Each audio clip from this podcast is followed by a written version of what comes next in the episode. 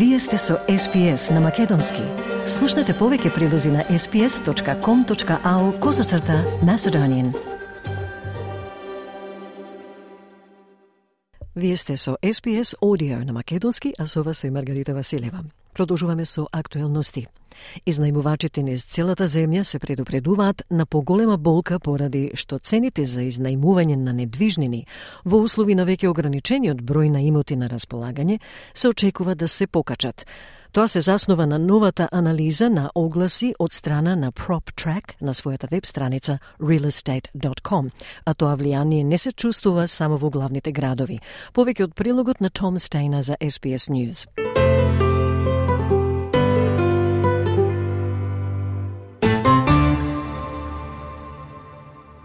Постојана побарувачка и намалена понуда. Тоа е тешката равенка со која се соочуваат изнајмувачите, поради што бројот на достапни огласи продолжува да се стега. Директорот за економски истражување на PropTrack, Камерон Куша од Rear Group, вели дека тоа е тешка комбинација за луѓето кои се обидуваат да се движат на пазарот за изнајмување. Куша вели малиот број на имоти за изнајмување ги става станоиздавачите во позиција да бараат повеќе пари за тие имоти.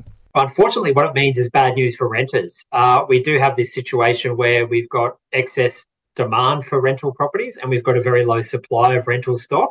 And that means that people that own rental properties, landlords, have got scope to ask more for those uh, for rents for those properties. Анализата на огласите на компанијата за недвижнини на незината веб страница покажа дека просечната национална кирија продолжува да се наголемува. Таа достигна 550 долари неделно во септемврискиот квартал, што е за 14,6% повеќе во однос на истиот период минатата година. Огласите за изнајмување падна за 7,1% во истиот период. Господинот Куша вели дека тие сега паднале на рекордно ниско ниво. Тој вели изгледите се дека кириите ќе продолжат да растат на национално ниво, кое во голема мера ќе биде потикнато од главните градови, затоа што се уште има неусогласеност помеѓу побарувачката и понудата на пазарот. Господинот Куша потенцира дека треба да се изградат многу повеќе станови. The outlook is that rents are going to continue to rise nationally. That's largely going to be driven by the major capital cities and it's because we still have this mismatch between demand and supply uh, in the market. The, the longer term solution is we need to build a lot more housing. Um, but that takes time. Предизвикот со зголемувањето на трошоците веќе се чувствува. Во Сиднеј просечната цена на изнајмување е зголемена за 18,2% на годишно ниво и се зголемува за повеќе од 10%, исто така забележана во Мелбурн, Аделајд, Перт и Бризбен. Но влијанието не е толку силно во другите главни градови. Марина Маклен од компанијата за недвижнини LJ Hooker вели дека агентите за недвижности продолжуваат да забележуваат зголемена побарувачка за изнајмување. Стапката на слободни мест за изнајмување велита е на најниско ниво досега, а предизвикот е што нема доволно за изнајмување. Our vacancy rates are the lowest they've ever been. And it is a challenging time out there. There's nothing to rent. People are really searching and, and there's nothing for them to find. You know, it's a combined series of events that's happened, but it's led to a situation where rental opportunities are very low. Ovoj predizvik gi pogodi i regionalnite oblasti.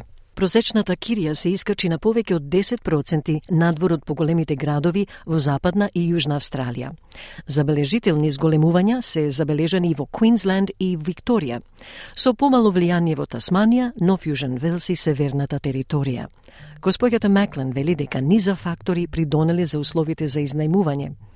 Нема нови градби, велита, бројките за изнајмување продолжуваат да растат и покрај зголемувањето на каматните стапки има многу млади купувачи на домови кои ги искористуваат на доместоците и купуваат типични имоти за изнајмување, што во комбинација придонесува кон намалениот број на имоти за изнајмување.